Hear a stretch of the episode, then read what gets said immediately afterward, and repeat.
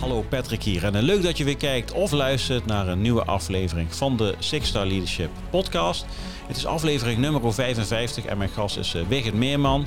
Wigert, wellicht bekend van de Eindbazen podcast. Nou, de Eindbazen podcast is een van de grotere podcastkanalen in Nederland en heeft onder andere mij ook geïnspireerd om te gaan podcasten. Ik heb er nog een hele leuke anekdote over, over gast die zij hebben gehad, die ik ook heb gehad en ik deel daar meer over in de podcast. Uh, Wigert is onder andere bekend van het boek Op zoek naar antwoorden. Hij heeft de documentaire Wilskracht gemaakt waarin hij meedraait bij het Korps Commandotroepen. En op dit moment uh, schrijft hij uh, weer een nieuw boek. Is hij veel in het Amazonegebied waarin hij onder andere een heel groot stuk gekocht heeft om uiteindelijk weer terug te geven aan de inheemse bevolking. Dus we hebben genoeg te bespreken. We praten over leiderschap, over zelfleiderschap, over de periodes die achter ons liggen, maar met name ook wat kunnen we in de toekomst allemaal verwachten. En dan is eenheid, dat is dan wel iets heel belangrijks daarin. Nou, tot zover. Ik wil je vragen om deze podcast te liken en ook te subscriben. Nou, bij een Apple Podcast of een uh, Spotify luisteraar, doe dat dan ook. Kun je ook eventueel een recensie schrijven. En check ook even het linkje in de podcast van een nieuw, nieuw traject wat wij gaan starten in september. Six Star Leadership Inspiratietraject start september. En uh, dat duurt vier maanden en daarin gaan we onder andere een outdoor uh, event meemaken samen. We hebben een aantal ontmoetingen op historische plaatsen. En is er onder andere ook een heel mooi event met medewerking van Marco Kroon. Nou, tot zover. Ik wens je een hele mooie uitzending en veel plezier met het kijken of luisteren. We beginnen, Wigert. Ja, let's go. Fijn dat je er bent. Dankjewel. Sinds april contact door wat, wat brandjes en wat reisjes en een, ook nog een reunie wie ik had tussendoor uh, hebben we eindelijk kunnen plannen. Ja. Ja, ik zeg altijd uh, welkom bij de Six Leadership uh, podcast. vrijdagochtend, mooi weer. We hebben lekker weer. we staan volgens mij aan de vooravond van een, van een heuse hittegolf. En vandaag de gast Wigert Meerman. bekend onder andere van de eindbazen. maar voor mij ook bekend van Wilskracht. van je documentaires, wie je aan het maken bent. Uh, iemand uh, ook een bepaalde affiniteit met defensie heeft. Leiderschap, zelfleiderschap. Uh, en daarom vind ik het heel erg leuk om met jou dit Mooi. gesprek op te nemen. Dankjewel dat ik hier mag zijn. Ja, welkom Wigert. Ja. Welk onderwerp zullen we aan gaan vliegen? Want we hebben, we hebben, ik, heb, ik, noem, ik noem er eventjes ja. vier, hè? Vier, vijf. Ja, ik kan er nog wel een paar noemen, maar... Um... Noem eens. Nou ja, ik heb natuurlijk wel... Ik, ja, je zegt nu wat ik allemaal doe. natuurlijk het podcasten, ondernemen, spreken. Dus af en toe dan vraag ik me wel eens af, ja, wat, wat, wat is nou de kern van wat je doet? Mm. Maar dat hele brede ding is wel uh, wat het langzaam is geworden. Uh, en ik denk dat we vandaag de dag ook in een wereld leven waarbij je meerdere van dat soort dingen kan doen. je, je, kan mm. tegenwoordig militair zijn en spreker. Uh, je ziet dat in Amerika dat er nu, uh, ik zie allemaal mooie boeken achter bij jou staan. Ja. Allemaal gasten die dat goed in de vingers krijgen om die verhalen op een mooie manier te vertellen. En um, ja, zoals ik mezelf altijd label is um, spreker in persoonlijk leiderschap, uh, podcaster en, en avonturier. Ja. En ja, dan laten we het dan hebben over een stukje avontuur. Want avontuur. ik denk dat avontuur toch wel een beetje de kern is van alles wat ik doe.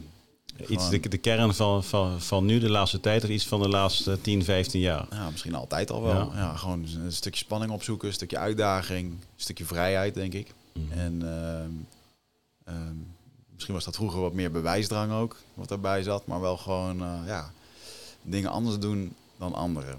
Dat eh, vond ja, ik altijd leuk. En, en is op die manier ook de eindbasis podcast ontstaan, vanuit die drive? Ja, ik denk dat um, toen wij begonnen met podcasten, toen had je vooral Joe Rogan in Amerika. Uh, die dat concept van gewoon aan tafel zitten en kletsen, ja. waar hij uiteindelijk 100 miljoen voor heeft gekregen ja. van Spotify. dus dat schijnbaar werkte dat concept. En ik denk dat wij wel een van de eerste waren die dat uh, op die manier deden.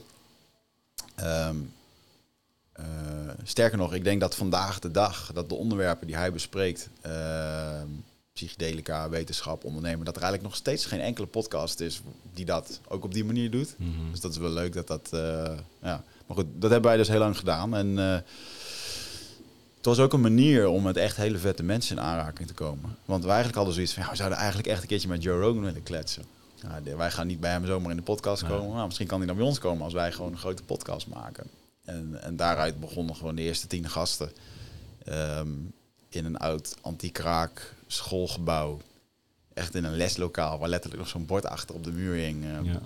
Zo'n krijtbord. En daar zijn we gewoon gasten gaan interviewen. Was, was dat langs de trein, eh, treinrails al? Ja, Was die? dat, ja dat Was want jullie hebben ook een locatie gehad waar de trein af en toe voorbij kwam. Nee, dat is waar we nu zitten. Oké. Ook, ja, dat is waar we nu zitten. Ehm, maar to- toen zaten we ook redelijk dicht langs het spoor. Maar dat was, een, nou, dat was wel de meest... eh, dat had de meeste... Ja, je begint gewoon ergens mee. Mm. Mensen zijn enthousiast. Je koopt nieuwe apparatuur en je gaat gewoon zitten. En mensen vragen nu wel eens aan mij van... joh, ehm, eh, zou, je, zou je het doen als er niemand naar je zou luisteren? Mm. En dan zeg ik altijd ja, dat deden we. Want we begonnen ooit een keertje. Ja. En niemand kende heel dit Toen was het echt niet. nee. En de grote grap is dat van mijn beste vrienden, ja, die kijkt nog steeds niemand die podcast. Die interesseert het echt niks. Het zijn toch hele specifieke luisteraars die die onderwerpen leuk vinden.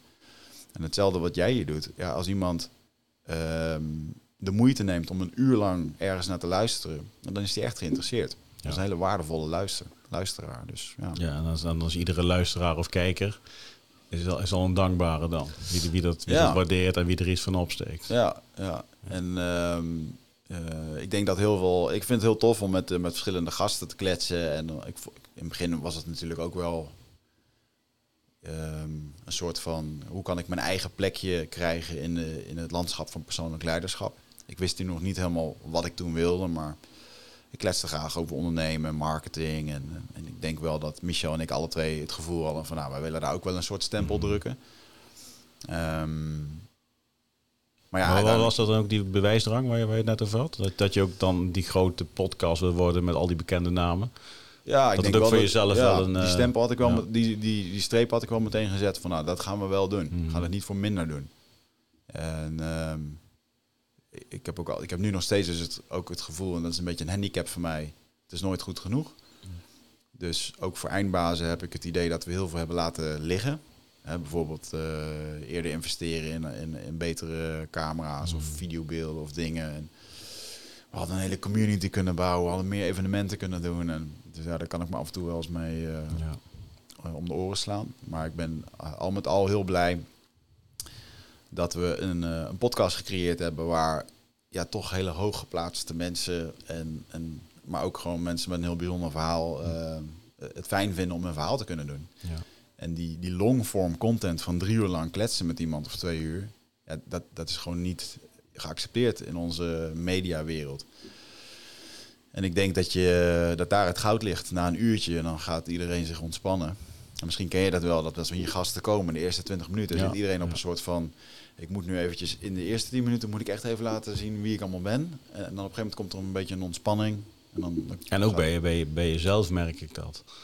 Van die eerste 15 minuutjes. Ja, ik, heb het, ik voel me nou helemaal Mhm. zen. Maar Mm, sommige gasten heb je dat. Dan is het toch van, oh, dan is het even aftasten. En dan, ja, je merkt echt, na een kwartier, een half uur, dan zit je lekker in het gesprek. ja, Ja, en- Ja. Ik heb ook gesprekken van 3,5 uur gehad, ja. ja, nou, Ja. als dat lekker floot, dan Ja. is dat... eh, ja dat- voelde me bijna een eindbaas. Maar kijk, kijk eens links van je wat er staat.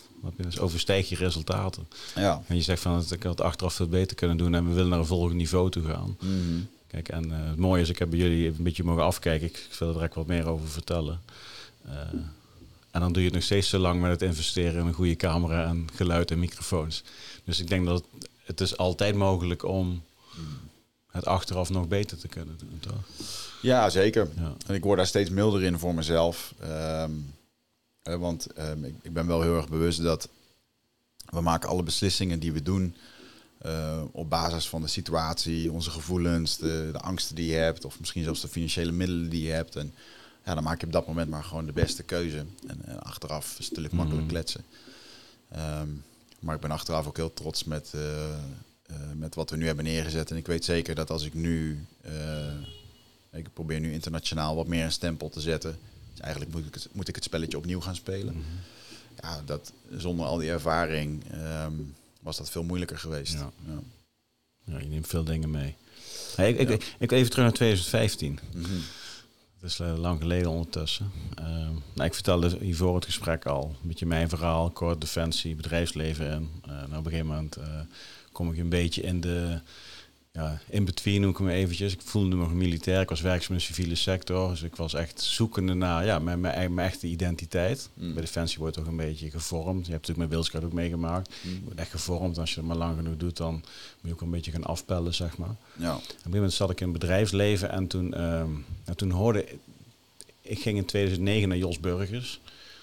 Boek, Ah, ja. Boekpresentatie. Leuk. Ehm, eh, ik ben toen ook bij Remco Klaassen geweest, het AFAS Theater. En in één keer kwam er een podcast voorbij eh, van Jos Burgers. Ja. Ja. En ik, ik podcast had ik, dat had ik nog ja, wel eens een keer van gehoord, maar dat is net als mijn crypto. Dat acht jaar later kom je pas achter dat het ook iets is, weet je wel. Dan denk je van, oh ja, goed, dat had ik eerder moeten weten.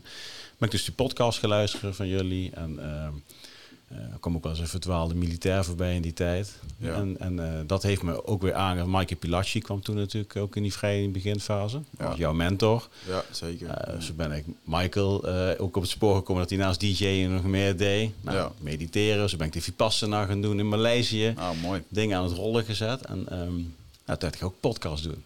Ik zag in één keer Nienke van der Lek, die business podcast. Dus dat kringetje helemaal. Ik volgde dat allemaal. Ik ging jullie scherpschutters kwam natuurlijk bij. Ja. En, eh, dus ik had in 2017 ga, ik- ga ik de Vets in Business podcast doen. Ja, veteranen in business. Mm. Met een Z dan, want die andere was al vastgelegd. Ja. En eh vetsenbusiness.nl, logootje gemaakt. Ik dacht, ga gewoon Dick Berlijn aanschieten. Wat ik je net ook vertelde. Dus ik Dick Berlijn, ik heb het opgeschreven.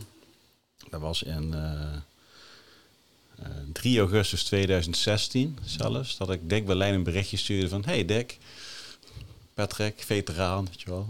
Dingen gedaan nu in het bedrijfsleven. Ik wil eigenlijk wel met jou een eh, podcast gaan doen... zodat we veteranen in het bedrijfsleven... nou ja, iets kunnen meegeven. Zeg Ja. maar. En eh, ja, goed idee. Ik zei, oeh, goed idee. Toen vond ik wel heel spannend, denk ik. Mm. Ja.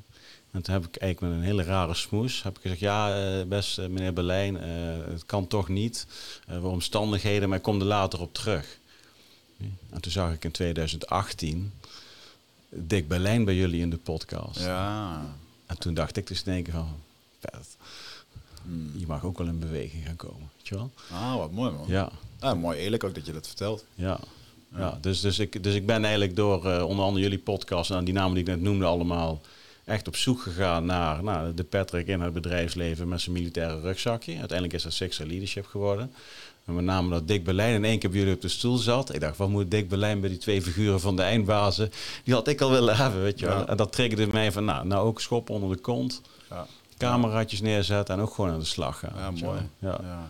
ja, ik geloof wel dat, ehm, dat wij... eh, we hebben best wel veel militairen in de podcast gehad. En die, zijn, die afleveringen zijn gek genoeg worden die heel goed bekeken. Ja. Ehm, en ik denk ook dat die mede heel goed bekeken worden en gewaardeerd worden. Omdat wij ja, echt vanuit een nieuwsgierigheid en een soort van... eh wij vonden Defensie gewoon cool. We hebben er alle twee niet bij gezeten. En, en ja, vanuit die, van dat enthousiasme spreek je een hele grote groep aan. En ik geloof wel dat eh, jullie zijn de, de inhoudelijk en eh, hebben jullie alles meegemaakt en gezien. En dan wordt het vaak een soort vaktermen ding. Ja. Ehm, en, en dat is, ehm, ja, dan wordt er ook anders naar je gekeken. Want jij bent een veteraan en eh, jouw Mhm. visie en eh, jouw mening erover. En ik, ik zie ook wel in die podcast, in de reacties, dat is wel grappig. eh, dat, dat over defensie moet je niks niet goed zeggen volgens bepaalde doelgroepen en dingen, want dan word je meteen helemaal afgefikt. En ehm, nou, ik geloof wel dat onze bleuigheid en, en enthousiasme, dat dat onwijs heeft bijgedragen. Ja. En zeker de, de podcast met ehm Mac Moontree is heel goed ontvangen. Eh van de Korpsmariniers en, en commandant Swillens. Hm. Want ik zat toen op BNN, zat ik... ehm, ik weet niet eigenlijk hoe dat is gekomen. Volgens mij kwam ik een beetje in de hoek van... eh, ik zie jouw boek daar staan, Extreme Ownership, Jocko Mhm. Willink. Ehm, op YouTube kwamen steeds vaker van dat soort video's. En op een gegeven moment kwam ik eh, Commando in Mali tegen. Waar ik denk 90% met een GoPro is gefilmd. En gewoon commando's op quads door de woestijn. Ja. En ik vond het waanzinnig. Toen dacht ik, ik wil eigenlijk gewoon zo'n gast. Desnoods ehm, ge- geblindeerd in de, eh, in de studio. En toen had ik gewoon een, een- naar de persvoorlichting had ik een mail gestuurd. Van ik wil graag een van die commando's. En toen kreeg ik eigenlijk terug van ja... Ik Dat het is een wel beetje leuk. hebben, dat is de baas. Nou, het was meer. Ik weet nog wel dat ze zeiden van ja, de meeste operators eh, zijn niet zo heel, zijn niet gewend om dit te doen. Dus ze zijn bang dat je dan ja, natuurlijk voor hun is natuurlijk het belangrijkste dat er gepromoot wordt. Dus dat wordt een beetje lastig. Uh, maar uh, ja, de commandant wil wel langskomen. Ik zeg ze, eigenlijk wist ik veel, de commandant of ja, wat, ik wist niet eens wat het was eigenlijk. En uh, op een gegeven moment kwam uh, Swillens met een beveiliger, met een persvoorlichter en met een chauffeur kwam die naar die Als je dan een eindbaas wil, dan is dat een prima, ja, prima aankomst. Ja. en ik had eigenlijk een hele statische man verwacht, maar het was echt zo ontzettend. Ja, als iemand mij echt heeft geïnspireerd over leiderschap, dan is dat kolonel Swillens. Gewoon met een, of nu commandant dan, maar toen was hij kolonel. Maar gewoon met een stuk uh, vriendelijkheid, goed uitleggen. Um, ook hoe dat hij met zijn mensen omging. En ja, dat heeft me, heeft me echt geïnspireerd. En uh, ik, voor mijn documentaire met Wilsgraag ben ik later nog met hem terug geweest. Toen zit hij mm. natuurlijk bij de MIVD. Was ook leuk om daar dan weer te interviewen. En toen, toen reed ik ook echt terug met een grote big smile op mijn face naar huis. Van ja, het je hebt net gewoon met uh, de Nederlandse directeur van de CIA, of de Nederlandse CIA, heb je net gewoon een gesprek zitten voeren, koffie zitten drinken. En dat heb je wel weer geflikt. En ik weet nog wel dat ik thuis kwam en dat ik... Uh, maar jij, jij, bent gevaarlijk, ze hebben ze liever dichtbij, ja? Ja, dat is misschien wel, ja. Misschien ben ik wel, word ik wel, noem dat? Controlled opposition. Ja, dat, hè?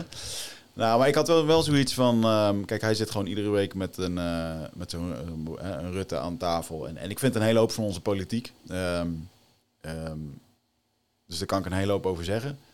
mijn, mijn, logo kun je omdraaien en is je nog steeds hetzelfde, zie je dat? Qua kleuren. Je kunt hem op de kop hangen en is het nog steeds hetzelfde. De volgorde. Uh, hoe bedoel je dat? Rood en blauw, als je hem omdraait. Oh, ja. Dat is natuurlijk met de Nederlandse vlag. Ah, op die manier. Ja, nee. Nou, ik vind meer in de zin van... Um, kijk, ik ben het niet altijd eens met wat de politiek doet. Um, en ik snap ook dat de politiek een heel log systeem is... en dat mensen daar zitten met partijen en dingen. Maar um, het feit dat uh, Swillens wekelijks met Rutte zit uh, voor overleg. En dan kwam ik toch thuis en ik had weer een gesprek met hem gehad. En je voelt dan de persoon zelf. Um, en dan zegt hij natuurlijk ook dingen die, die hij niet uh, kan zeggen in een krant. En dat ik echt thuis kwam tegen mijn vriendin zei van... Nou, ergens ben ik ontzettend blij dat ik weet dat, dat mensen zoals Swillens daar op die plek zitten. En, en, en ondanks dat hij misschien ook beslissingen zal moeten maken die ik niet ja. humaan vind of wat dan ook, of niet ethisch. Ja, dat uh, ja, hij heeft een bijzondere indruk op me achtergelaten. Een goede vriendschap aan overgehouden. Is oh, leuk. Ja.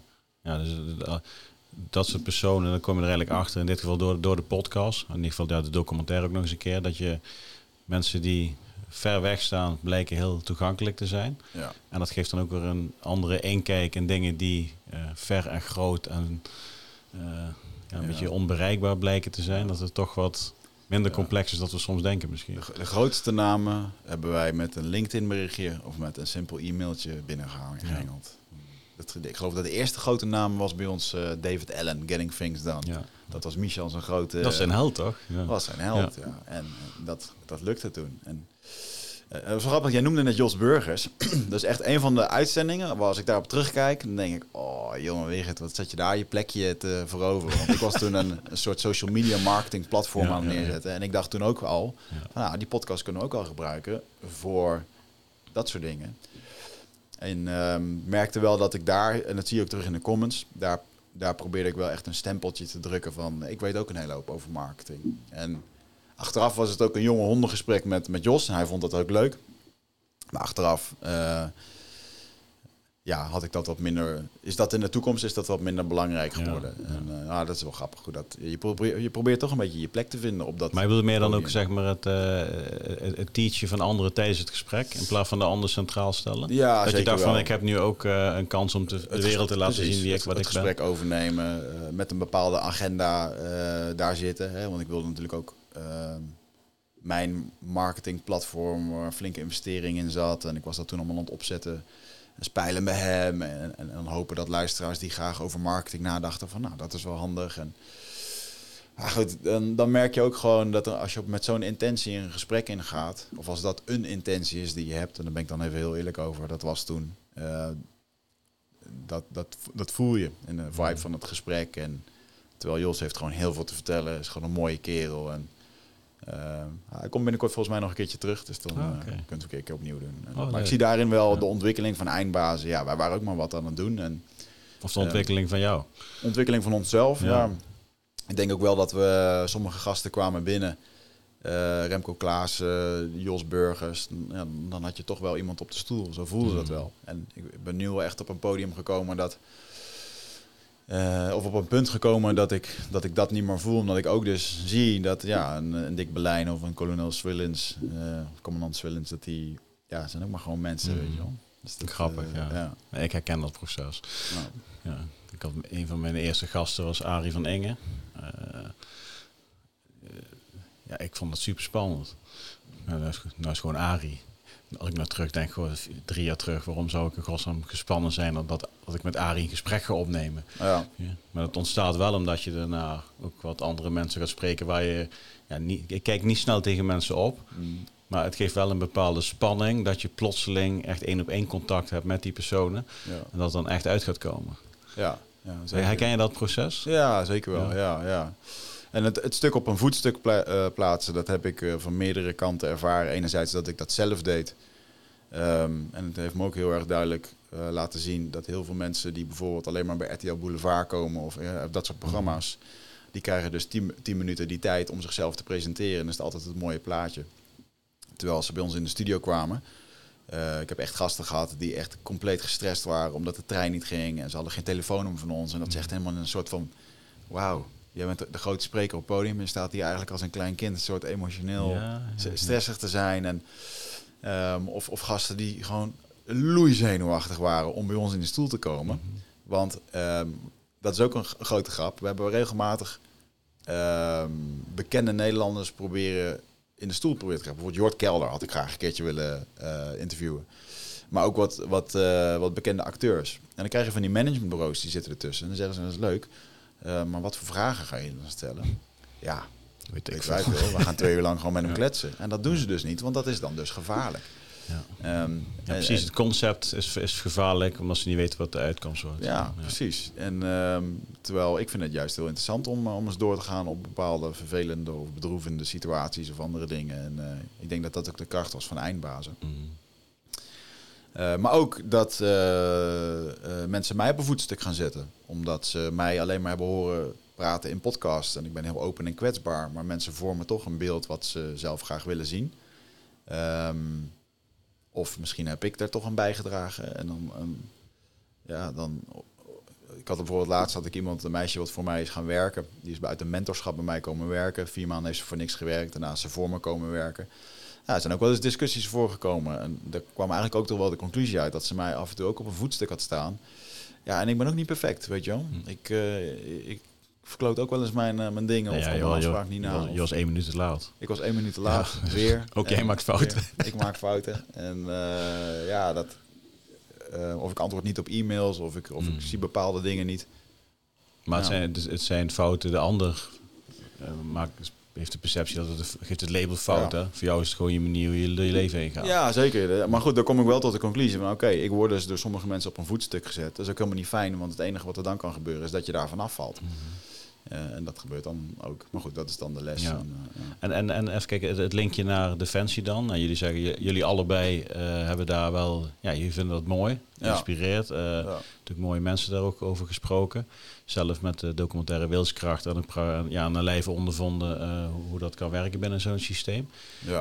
Als je dan naar jezelf als, als, als zelfleider kijkt, als persoon die je nu bent, wat, wat heeft dat jou dan allemaal gebracht? Ook die, die, die link met Defensie. ja. Want door de podcast heb je ook dat linkje kunnen maken, anders was dat misschien nooit gebeurd. Nou, zo grappig. Ik hoorde op mijn weg dat ik hier naartoe reed... eh, in mijn voorbereiding over jou...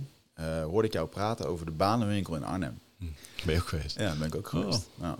En ehm, ik weet nog wel dat eh, mijn vader is overleden, vroeg na mijn geboorte. Ehm, en op een gegeven moment, ik wilde graag Defensie in, maar ja, mijn moeder, Je hebt, Die ook, is- je hebt ook gehoord dat mijn moeder jong is overleden. ja, Ja. ja. Die, mijn moeder supportte dat wel, maar ja, je hebt daar gewoon een beetje mannelijke eh, inbreng in nodig. Dus op een gegeven moment heeft een van de beste vrienden van mijn moeder, Sander, die heeft toen een keer een dag vrijgenomen van zijn werk en toen zijn we samen met de trein daarheen gegaan. En volgens mij zat ook eh, voor het Korps Mariniers zat daar een eh, Mhm. banenwinkel. Zaten die volgens mij nog dicht bij elkaar ook, Ja. volgens mij. Klopt. En ja, de- inderdaad kreeg ik daar een, zo'n presentatie. En dus ik had al- altijd al wel het idee dat ik daar wat mee wilde. Maar ehm, ik heb het uiteindelijk nooit gedaan. Ik ben naar het SEALS gegaan en ik heb altijd wat idee gehad van ik wilde naar de Corps Mariniers. En ik ben toen naar het MBO gegaan. Ik was toen 16 jaar en toen kon ik kiezen uh, of dat ik een soort defensieopleiding ging doen of naar het SEALS. En toen heb ik een soort tussenjaar gedaan, waarbij je daarna nog een keer een keuze kon maken. Uh, en ik heb toen na een jaar gekozen uh, om naar het SEALS te gaan. omdat ik ook mijn voet op vier plekken had gebroken tijdens een judo-wedstrijd. Ja, waardoor het lopen echt een, een uitdaging werd. Um, goed, anderzijds ben ik er nu dus achter gekomen door die korpscommandotroepen uh, selectie mee te doen, hè, de kennismakingsdagen en, en die documentaire te maken.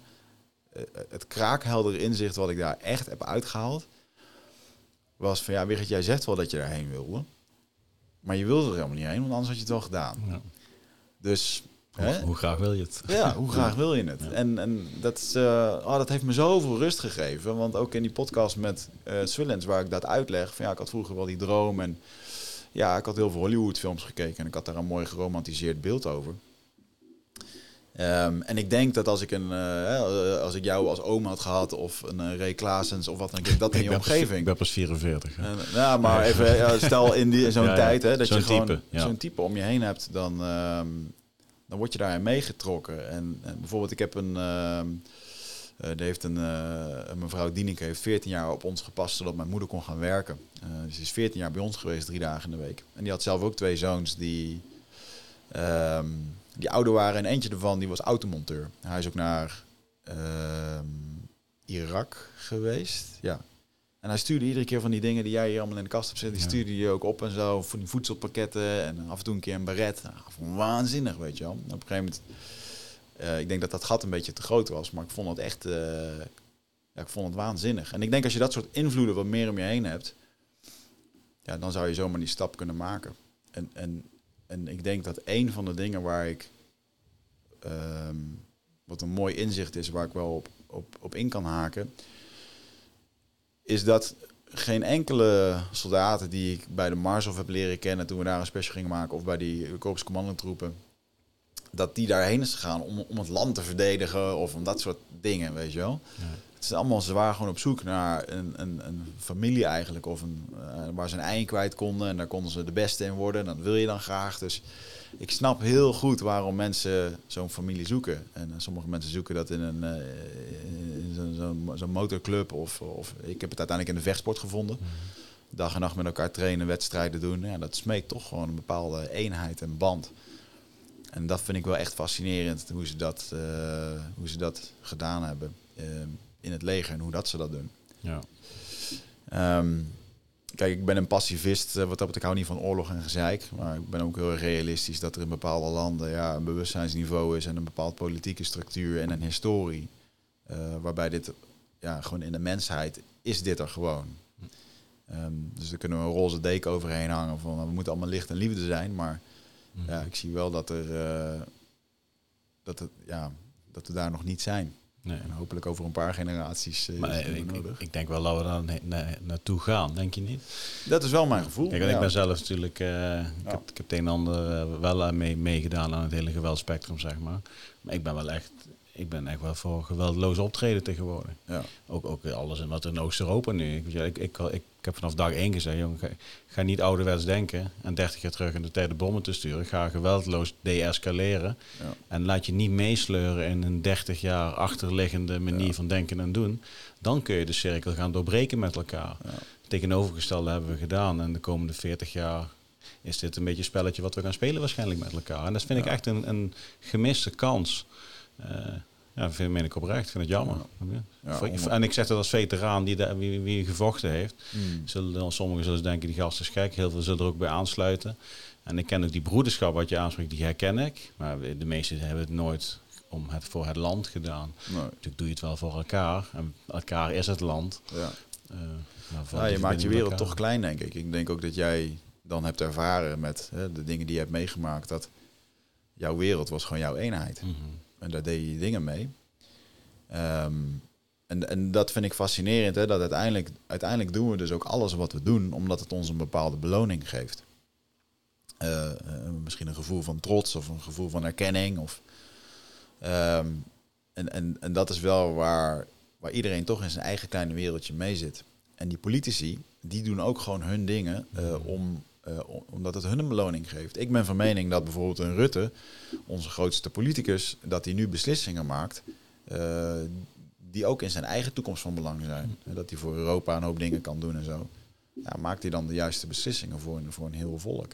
Ja, en wat is juist? Ja. En, en een ander interessant vind, vind ik, en wat ik dus heel mooi vind in het militaire structuur, is dat jij um, op bepaalde posities komt omdat je die hebt verdiend. Hè? En wat wij hier in Nederland doen met onze politici, is dat ze een paar jaar uh, daar mogen zitten. En dan vervolgens gaan ze weer weg. Maar ja, hoe kan jij nou eigenlijk in vier jaar jezelf echt ontplooien tot echt hè, die hele, in de juiste functie? En misschien is dat wat kortaf, maar ik denk wel dat het politieke systeem van vandaag niet meer functioneert met, um, met hoe de wereld nu is. Met uh, al die kleine partijtjes en dingetjes. En, uh, dat, ja, dat zijn allemaal van die oude systemen. En ik geloof wel dat dat een beetje aan het imploderen is.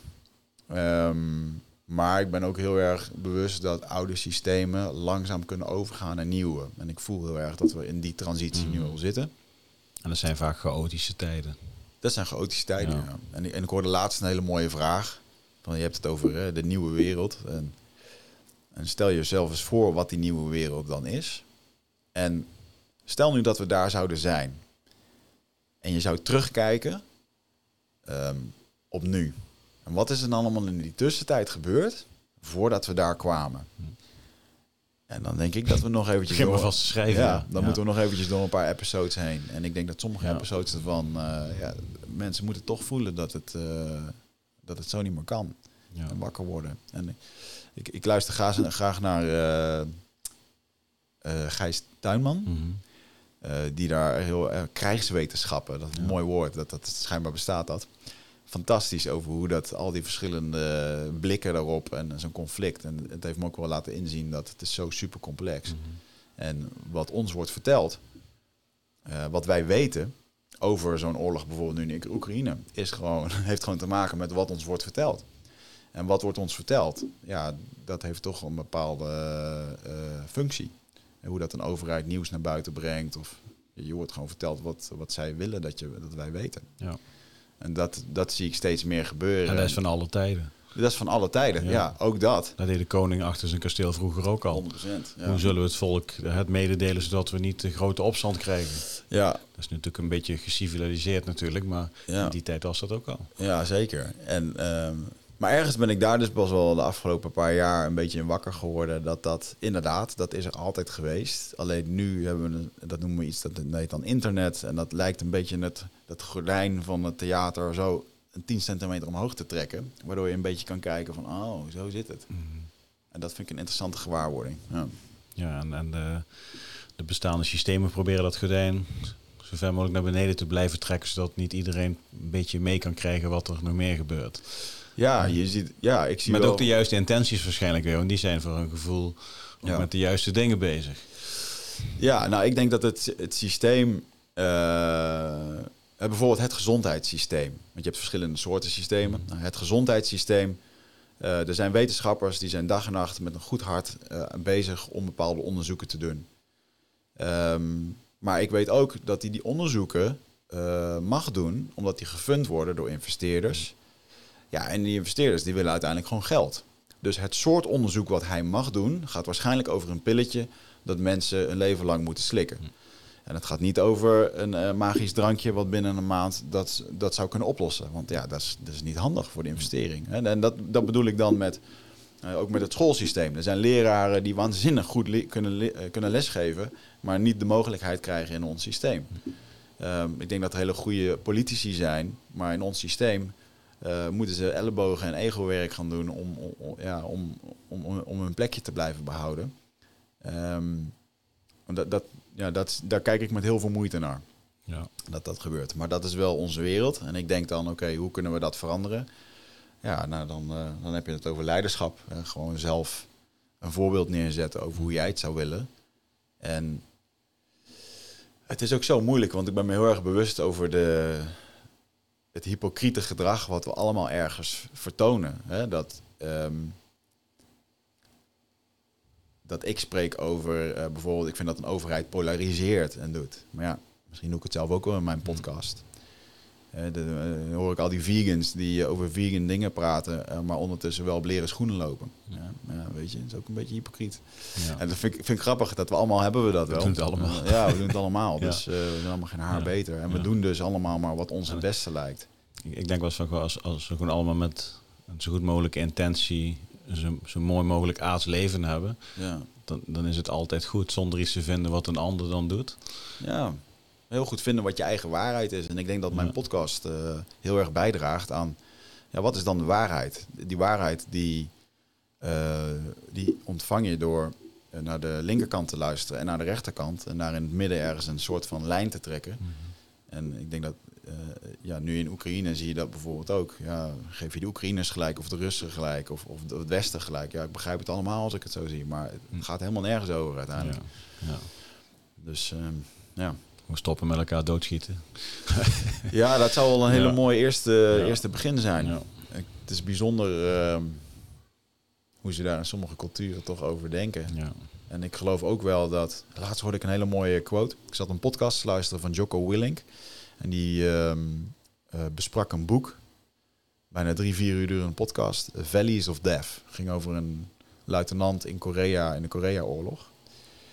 En die beschreef het heel erg mooi. Dat ehm, ze, waren niet aan, ze waren niet de aanvallende partij.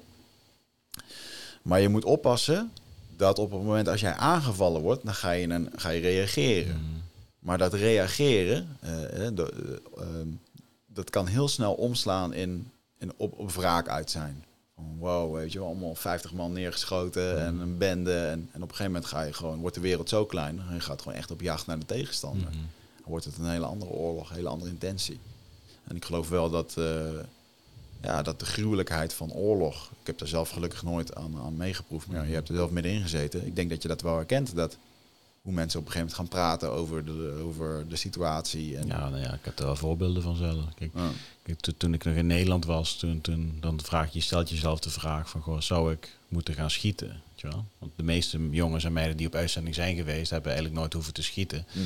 Omdat het gros en niet in die functies zat. En de, de enkele keren dat er dingen gebeurden in de, in de meeste missies, eh, ja, was vrij minimaal. Dus die vraag stel je jezelf. En dan zitten wij twee weken in het gebied. En dan word je dus bevuurd. En dan schrik je helemaal de pleuris. En je denkt echt, wat is dit? En drie Ja. dagen later word je weer bevuurd. En dan blijf je toch maar kijken, want dan weet je wat vandaan komt. En een week later denk je, nou, voordat hij schiet, schiet ik. En dat is de spiraal waar je in een paar weken Ja. in meegetrokken wordt. Ja. Ja, En ja, en op een gegeven moment zit je twee, twee maanden in dat gebied. En dat is ook mensen, ze zeggen tegen mensen van, wat is je meest bijgebleven van die missies, in dit geval vooral Oeruzgan. Ja, dat je echt ehm, eh, terugkijkt, als je weer in Nederland bent, een maandje, twee maandjes, van Jezus, hoe, hoe zat ik wel niet in de wedstrijd? Ja, de, de normvervaging ten opzichte van de norm, hoe wij dan in Nederland de norm bepalen. Ja.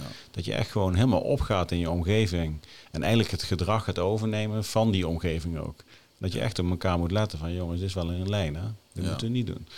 Ja. Let op elkaar. Ja. Dan zitten Amerikanen soms twee jaar op een missie. Ja. Bizar. Ik vind het niet zo gek dat ze dan af en toe... eh, Ik zag laatst een eh, hele inspirerende speech op YouTube van een, een eh, Navy SEAL. Die had in SEAL Team 6 gezeten. Dus dat is dan het, het topteam voor antiterrorisme. Ehm, is daar op een gegeven moment uitgegaan. Toen kwamen de Twin Towers. En toen besloot hij van, nou, ik wil weer terug. Maar dat duurde te lang om te reïntegreren bij de, bij de eh, SEALs. Toen is hij naar Delta Force gegaan. Hm. Hij is een unieke combi dat hij dat heeft kunnen aan. Die man heeft meer dan 1500 missies gedaan. En dat zouden ze in Nederland niet eens toelaten, weet je wel. Nee. Ah, dat, ja, ongelooflijk. En het was wel grappig dat hij dus eh, op een religieus eh, evenement stond te kletsen over God. En dat hij dus op het, op het podium daar stond van, eh, ja, God gave me the task to, you know, kill evil. Killing evil was daily business. Daar zit hij dan over te kletsen. En dan, wauw man, je zit echt in een, je zit, je zit gewoon in zo'n koker. ja. En ik denk dat dat heel gevaarlijk is. Maar je bent zelf het evil van de anderen. Ja, ja dus je bent het, geen is, het is maar net Oké. op welke plek Ja. je geboren bent. Ja, zeker. Maar goed, dat, ehm, wat ik bijvoorbeeld ook interessant vind aan bijvoorbeeld aan Amerika aan een land, dat is natuurlijk heel erg verdeeld. Maar als ik daar naar terugkijk, dan denk ik, ja, maar kijk eens naar het ontstaan van, van Amerika. Het is gewoon gebouwd op, op eh, verkrachting, vermoorden, verovering. En ik denk wel dat wat we nu daar zien in Amerika, is absoluut een resultaat van dat. Ja. Het fundament van dat land is, is gewoon, is gewoon rotzooi. Nou ja, goed, jij, jij bent ook wel spiritueel aangelegd. Mhm. Dus, dus we geven dingen door aan volgende generaties. Ja. Energie hangen in de lucht. Ja. Het is, is dan ook niet, niet gek dat juist op dat continent bepaalde vaagheden ook gewoon gebeuren. Nee, zeker wel. Ik denk dat, ehm, eh, dat, ehm, dat je als persoon zijn heb je gewoon een groot stuk van jezelf te helen. Ja, ik, denk, ik ben ook echt van mening, eh, in mijn, mijn werk is zelfheling is het middel. En dat maakt niet uit of dat je commando bent die uitgezonden is, of dat je student bent of, of, of huisvrouw. We krijgen allemaal dingen mee die, waardoor we ons niet gezien voelen, waardoor we wat gemist hebben. En waardoor ergens een bepaalde pijn is ontstaan. En vanuit die pijn maken we beslissingen. En die beslissingen die maken ons vaak ongelukkig of, of soms gelukkig, denken we. Eh, En een zelfheling is de methode. Ehm, en ik geloof wel dat op het moment dat als jij nu kijkt wat jij hebt meegekregen van jouw ouders. En als zij nou het werk hadden gedaan om dat stuk op te lossen. Hè, om, om niet een familiedoofbod van te maken. Om, om die relatie eh, eerder te beëindigen en dat soort dingen. Eh, hoeveel, jou, hoeveel ruimte jou dat had gegeven in jouw opvoeding en jouw, jouw opgroeien. En stel nou dat hun ouders dat ook hadden gedaan en die ouders ook. Ja, dan krijg je een hele piramide van ouders die achter je staan. Die, die dus eigenlijk eh, de rotzooi oplossen voor de vorige generaties. En ik geloof wel dat er ja, in sommige generaties, en bijvoorbeeld de Molukse generaties in Nederland, eh, ik heb er vorig jaar een documentaire van gezien. En ja, ik begrijp het wel, dat ze zich genaaid voelen. Hm. Maar er zit ook een stuk in, eh, je hebt het nu hier te doen. En over dat verleden, daar kun je niks meer van doen. En, en dat excuses van de Nederlandse overheid, ehm, dat is leuk, maar dat is een pleister. Eh, eh, dat, dat, is nu, dat is niet hetgene wat jouw pijn gaat oplossen. Eh, en dat is innerlijk werk. Die zit binnen, ja. En dat moet je, dat moet je aangaan. Ja. Maar is het dan ook zeg maar, dat bepaalde landen, in, in, in zeg maar, Oosterse landen, Nepal, dat soort landen allemaal, dat die eigenlijk wat betreft eh, het verlichtingspad al mijlenver op ons voor liggen, omdat ze al generaties lang daar aan werken? Over- ja, ligt dan een beetje wel, welke landen dat je dan natuurlijk. eh, maar goed, ik denk dat, eh, ja, eh, eh, wij, dat is wel grappig. Wij zijn heel erg op zoek naar spiritualiteit. Omdat we iets missen. Een bepaalde verbinding of eh, we voelen dat we ergens uit balans zijn of geen connectie hebben. Eh, hè, want ons wordt heel erg verteld, ja, je moet een school, je moet een baan, een huis, succesvol. Nou, vervolgens kom jij, eh, heb je dat allemaal gedaan en dan ga je de volgende stap maken en dan kom je uit dienst met Zit je hier? Nee. Zit je hier en denk je, ja, is dit het nou? Ja. Ja, dat is eigenlijk dat lijntje wat je dan mist. En waar ik naartoe ga in de, in de Amazon, in de jungle, ja, daar hebben ze natuurlijk niet de hypotheek te betalen en al die dingen waar dat systeem, daar hebben ze gewoon de natuur. En eh, als jij in de natuur leeft, dan, dan ben je van nature verbonden met iets. Want ja, dat, je begrijpt dat dat groter is dan jou. Dus die mensen groeien op met spiritualiteit.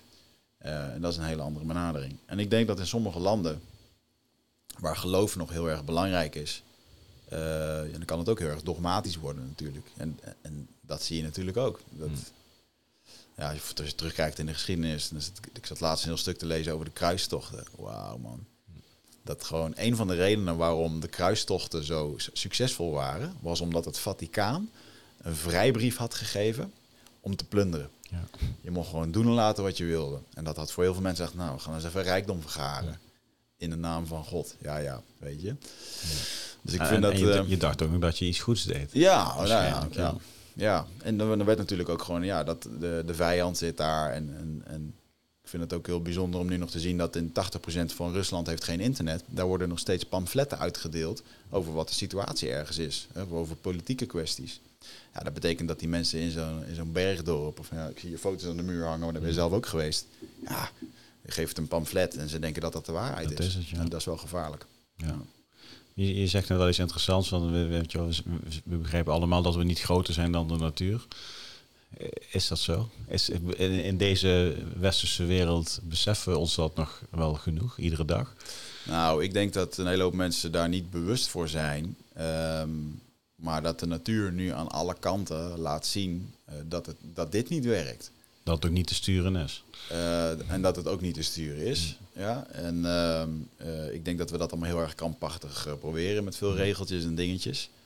Maar ik geloof dat ehm, ja, in de essentie dat heel veel mensen ehm, zich even verdwaald voelen op dit moment. Ja, dus ja, je kan dan iedereen vragen of joh, de staat van de wereld, hoe dat het nu gaat. En dan zegt iedereen van ja, dat kan wel wat beter. De cijfers, uh, burn-outs, uh, 3, miljoen mensen, 3 miljoen mensen zitten in Nederland aan de pillen, mm. antislaap. Ik geloof 1 miljoen aan antidepressiva. En een nog grotere groep aan uh, slaapmiddelen en zo. Ja, het is echt killing. Je zou er bijna een handeltje voor beginnen. Ja, maar er zijn ook, ja, zijn mensen zeggen dat het lucratief is, weet je wel. ja. En, en, en het is natuurlijk een, mensen gebruiken dat. Um, omdat ze iets, ze willen ergens vanaf. Ze voelen iets, ze willen ergens vanaf, nou hebben we dan een pilletje voor. Terwijl de oplossing is ja, innerlijk werk. En dat is heel vervelend om te horen voor heel veel mensen die dit, uh, um, die dit gebruiken, omdat ze de kracht niet hebben, of de wetenschap niet hebben, of het bewustzijn niet hebben om, om daar wat mee te doen. Want het is de dokter in de witte jas die jou vertelt van nou, je bent depressief. Nou, misschien moet ja, antidepressiva moet je toch doen. En vervolgens zit je ergens aan vast waar je, waarvan je denkt dat je niet meer zonder kan. En uh, uitzonderingen daar gelaten, denk ik dat uh, ja, als een dokter zou zeggen van joh, uh, hoe, eet je, hoe eet je eigenlijk? Hoe is je darmflora? Slaap je goed? Hoe is het eigenlijk thuis? Ben je wel gelukkig? Hoe zit je in je werk? Um, en dat zouden de vragen die gesteld zijn, die gesteld moeten worden. En dan heb je waarschijnlijk de meest pijnlijke spiegel van je leven voor je. Ja, en dan ga je dan, en dan heel veel mensen zeggen dan, ja, die dokter die is gek, ik moet gewoon een pil hebben. Dat is natuurlijk de makkelijke oplossing. En, uh, en ik denk wel dat het uh, dat stukje zelfinzicht, dat heel veel mensen dat niet meer hebben, omdat alles ook gewoon voorhanden is. Mm -hmm. en, en een van de dingen die die ik heel erg heb meegekregen uit die documentaire met de kennismakingsdagen, is gewoon onder druk uh, ja, je toch jezelf leren kennen. Hm. En ja, menselijk gedrag is gewoon, uh, je ziet dat heel erg mooi naar boven komen, dat op het moment dat je onder druk wordt gezet. Uh, maar dus ook jezelf leren kennen. En, en heel eerlijk durven zijn over uh, ja, waar kan je wel of geen commentaar op ontvangen. Of sta je open voor feedback.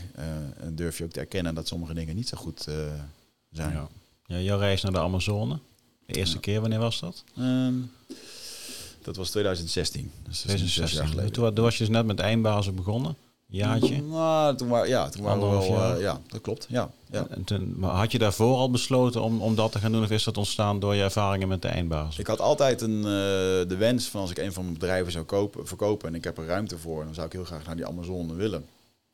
Want ik deed vaak ayahuasca, een soort psychedelica voor persoonlijke ontwikkeling. Mm uh, dat komt daar vandaan. Ehm, vond het dat magisch interessant. Dat er ja, gewoon 4000 jaar geleden, dat die dat wereld, of gewoon Amazone breed, dat al die stammen twee planten hebben gevonden die ze bij elkaar mengen van de honderdduizenden planten die er zijn. En je drinkt dat en je krijgt in één keer inzicht over jezelf of contact met datgene wat groter is dan onszelf. Dus ik deed dat regelmatig in Nederland. En uh, ik wist wel dat als je een verdieping wilde maken, dan kon je een bepaald ritueel doen. Uh, een dieet noemen ze dat. Waarbij je dus uh, ja, door middel van plantmedicijnen met een bepaalde plant gaat werken. En die, en die plant gaat jou dan inzichten geven. Want zij zeggen gewoon, ja, die planten die zijn er al miljoenen jaren. Dus die kunnen jou, die, die weten alles. Ja. Wij zijn er nog maar net. En die Kijk, ken je de Fantastic Fungi? Ja. Ja, nou, een fantastisch voorbeeld. Over uh, Post, echt een held. Hoe dat hij dat uitlegt. En uh, kijk, dan zie je gewoon dat de natuur weet, weet inderdaad alles al. Alle patronen en alle seizoenen en alles komt daar al natuurlijk in voor. En ik, als je kijkt naar oude culturen, als wij op vakantie gaan naar Afrika, we gaan voor een dagje naar zo'n uh, zo'n stam toe, dan denken we, ja, ja, deze mensen die snappen het nog. Ja, die zijn echt in contact met de natuur. Ja, dat klopt. En ik heb nu een paar weken bij de Indianenstam uh, geleefd in Brazilië. En ja, hoe zij daarmee omgaan en waar zij de kennis vandaan halen, denk je, wauw man, dat, dat zijn wij zo ver kwijt. Ehm, en ook daarin vond ik het wel weer vet om. En ik vond het, was weer eens een keertje wat anders. En ik vond een bepaalde extremiteit zat er ook wel in. Daar hou ik dan ook wel van. Is het avontuur? Avontuur, ja. En uh, ja man, gewoon midden in die jungle zonder telefoon. En uh, ja. met tussen de slangen en de beesten. En gaat maar aan met jezelf. Was ook een bepaald bewijsdrang naar jezelf door, door zoiets extreems te doen? Want je bent ook flink ziek geweest daar volgens mij, hè? Ja, ja, ja. ja het is wel... Uh, ik weet niet zo goed. Het heeft me gewoon heel erg... Het is gewoon mijn pad. Dus hè, mhm. de, ik weet dat ik dit de rest van mijn leven blijf doen. Ja. Um, ik, ik hou ervan om naar de jungle te gaan, maar ik vind het ook verschrikkelijk. Um, maar de, ja, er zit wel ergens een, een bepaald iets in mij dat niet bang is om te lijden. Mm Dus hè, vaak als je het sterkste psychedelica van de wereld drinkt en eh, je moet daar veel overgeven en je reinigt eigenlijk je eigen systeem. Ja, ik kan heel goed in die ehm, embrace the suck zitten. Zo van, Ja. Het is kloten, en je voelt je nu rot en ja, en misschien uh, je denkt af en toe dat je doodgaat, maar je komt hier wel uit. Alles komt een eind. Ja, en dat had ik ook met wilskracht. Ik heb me heel vaak heel ellendig gevoeld en heel zielig gevoeld, maar ja, ik kan daar wel in zwelgen. Dat, uh, mijn vriendin noemt me ook wel een zwelgje als ja. bijnaam. Omdat ik, ja, een soort ding van mij dat ik, uh, ik kan daar wel, uh, wel in blijven in zitten, ja. Maar hoe doen, hoe doen de indianen, want je zegt net van door, juist door mensen onder druk ga je jezelf, uh, ja... leer jezelf kennen. Leer jezelf ja. kennen. Maar hoe, hoe doen die indianen? Zijn die al een, een, fase verder dan? Want zij leven natuurlijk wat dat betreft echt heel stabiel. Ja. Uh, zitten zij al in die verdieping dan? Ja, dat is een mooie hoe dat je dat zegt, want... Kijk, in de, uh, bij het korps roepen of waar dan ook, hè, dat soort eenheden, dus daar zet je ze onder druk en dan komt de ware jij naar boven. Mm. Um, maar we kunnen jou ook gewoon in een plek op de natuur zetten, in, in de hei, um, met een psychedelicum, waarbij psychedelica staat bekend omdat je ja, toch in de krochten van je eigen ziel komt kijken, mm. of dat het je anders laat kijken naar bepaalde dingen. Um, en zo'n ritueel, uh, daarbij mag je geen zout, geen suiker, uh, niet met andere mensen kletsen. Je bent dus gewoon alleen. En als je dat zes weken doet, of zelfs drie maanden, ja, dan ga je jezelf tegenkomen. En ik heb dat aan de lijve ondervonden, dat, dat de stilte. En uh, wat is het eerste wat wij doen als we ons niet lekker voelen? Dan pakken we een kopje koffie voor de dopamine, of we pakken zout, gaan chips eten, of we gaan Facebook of wat dan ook, om ons beter te voelen. Mm-hmm. Maar als je dat allemaal wegneemt en je laat jezelf gewoon zitten met jezelf, ja, op een gegeven moment word je gewoon gek van jezelf. Dan komt dan eigenlijk de druk van binnenuit. Ja. ja, de stilte die is eigenlijk drukt op dezelfde soort knoppen. Dus dat heb ik wel ervaren aan beide spectrums. Um, en alle twee heeft een, uh, heeft, een, heeft een doel en een charme. Ik denk wel dat, uh, ja, kan je alleen zijn met jezelf. Mm-hmm. En dat vond ik echt, een, dat is heel confronterend geweest voor mij. Uh, en ook dus wetende dat ik misschien eindbaas ook wel uit een stukje erkenning heb opgezet. Of een vader die vroeg overleden is, niet bij de sportlijn stond. En, en ja, dat heb ik echt wel gemist. Misschien ben ik daarom al die dingen wel gaan doen. Ik denk dat zelfs misschien wilskracht ook wel een stukje... Ja, toch ook wel vet om te doen. En ook om te laten zien dat ik het misschien toch wel kon. En, en ja, pak man, dan ben je 37 jaar dan doe je dat nog steeds. Ja, goed, ik ben daar gewoon heel eerlijk over. Dat, uh, dat soort dingen huist gewoon in iedereen. En ik, ja, ik vind het dan toch leuk om af te vinken dat ik dat heb gedaan. Ja. En het geeft me een uh, heel, heel erkentelijk gevoel, weet je wel. Iemand zei wel eens, als je, als je erkenning wil, dan moet je erkentelijke dingen doen. En dan moet je niet gaan lopen vragen om, uh, moet je dat niet van buitenaf zoeken, maar moet je echt dingen doen waar je zelf ook trots op bent. En ik merk dat dat soort avonturen, ah, die geven mij zoveel voeding en energie. Dat, uh, en dan is het een mooie bijkomen dat de buitenwereld dat ook leuk vindt en dat graag volgt. Ja, precies. Ja. En, en dat is de afgelopen jaren is dat wel meer omgedraaid dan? Waarin je voorheen, ik, ik herken dat namelijk wel, dat je voorheen wat eerder denkt van, goh, als ik dit doe, wat vindt de buitenwereld ervan? En dat je steeds meer neigt aan, nee, ik Ja. vind het Ja, fijn. zeker. En goh, misschien vindt iemand anders het ook wel interessant. Ja, zeker. Dat is wel... eh, eh, dat nou wordt ja, dan steeds meer het bijproduct. Die zeg reis maar. heb ik bijvoorbeeld heel erg met eindbazen gemaakt. En in het begin was het heel erg omdat wij dat, ja, het gewoon tof om te doen. En Mm. eh, nou, nu neem ik er gewoon een sabbatical van. Omdat ik gewoon merkte dat ik het aan het doen was. Niet meer omdat ik het leuk vond, maar omdat ik het had het idee dat er duizenden luisteraars iedere week een aflevering verwachten. En ik er eigenlijk helemaal geen zin meer in had. Ja. Dus je merkt dan dat je, je gaat dan in één keer iets doen omdat het, het systeem eh, waar je op dat moment in zit, wilde dat je die kant op, of tenminste, forceerde je die kant op. En het is toch een bedenksel wat je dan zelf hebt. Ja, het zijn- altijd zelf gecreëerde systemen. Ja, precies. Ja. En, en psychedelica heeft mij daarin dan weer ehm, eh, een inzicht gegeven van ja, je- wat je nu aan het doen bent, is niet wat je vanuit je hart wil doen. Ja. En als je dat lang genoeg doet, word je daar ongelukkig van. Ja. En, en ik geloof Ja, als je het woord psychedelica uitspreekt, dan komt er een glimlach op je gezicht. Ja, ik, ik weet, en ik zeg het altijd, omdat ik weet dat heel veel kijk al luisteraars even, even nu weg zo. hm, van ja. deze gast die, eh, die gebruikt alleen maar. eh, Is hij daar nog steeds mee bezig, denken ze? Maar dit is gewoon mijn, mijn pad. En, ehm, kijk, Het is een ik- manier van leven. Ja, en Ja. in die- bij die Indianen is dit gewoon een wekelijks ding en doen ze dat heel hun leven lang. Ik bedoel, baby's krijgen daar gewoon eetlepels met ayahuasca ingegoten. Ehm, en wat ik wel heel mooi vind, is dat als zij daar bijvoorbeeld een ceremonie openen, dan zeggen ze, eh, dan vragen ze aan dat medicijn wat ze drinken, dan zeggen ze, eh, breng ons naar eh, de, de hemelse hoogte, waar we de, de wijsheid mogen ontvangen om onszelf te helen en dat mee terug te mogen nemen naar de aarde. Als je daar even wat dieper op indenkt, denk je van wauw man, je wilt dus eigenlijk gewoon ja, je haalt uit het spirituele een bepaald inzicht, een antwoord, waarmee je jezelf kan helen. En zelfheling staat bij hun als, als centraal middel. Ehm, de ayahuasca is bij hun de rode draad van hun bestaan. Waarom? Nou, daardoor voel je je heel erg verbonden met jezelf. Alleen als je jezelf heel erg verbonden voelt met jezelf, kan je verbinden met elkaar. En ehm, ja, is dat dus een ding wat je, wat je samen eh, hebt. En wat mensen dus ook in militaire eenheden heel erg ervaren en oh zo missen op het moment dat ze eruit gaan, is die verbinding. Want je komt in één keer in een wereld die jou niet begrijpt, die, eh, waar je niet al die dingen deelt. En ehm, die verbinding ontstaat alleen door, eh, door het delen van gebeurtenissen, gedachten en, en, en, bepaalde ja, gevoelens. Ja. En, ja. Nou, wel mooi dat verbinden. Want ik heb zeg maar een uh, model gemaakt waarmee ik vaak werk als ik met teams in de slag ben. Dan heb ik zeg maar verbondenheid, betrokkenheid, vertrouwen. zijn een beetje het waardefundament waar ik mhm. altijd zeg maar op inzoom. En als je dan een, een, een, laagje hoger gaat op, het, op de ladder van team performance, heb ik verbinding met jezelf en met de ander, staat daarin centraal. Ja. En ook in die volgorde.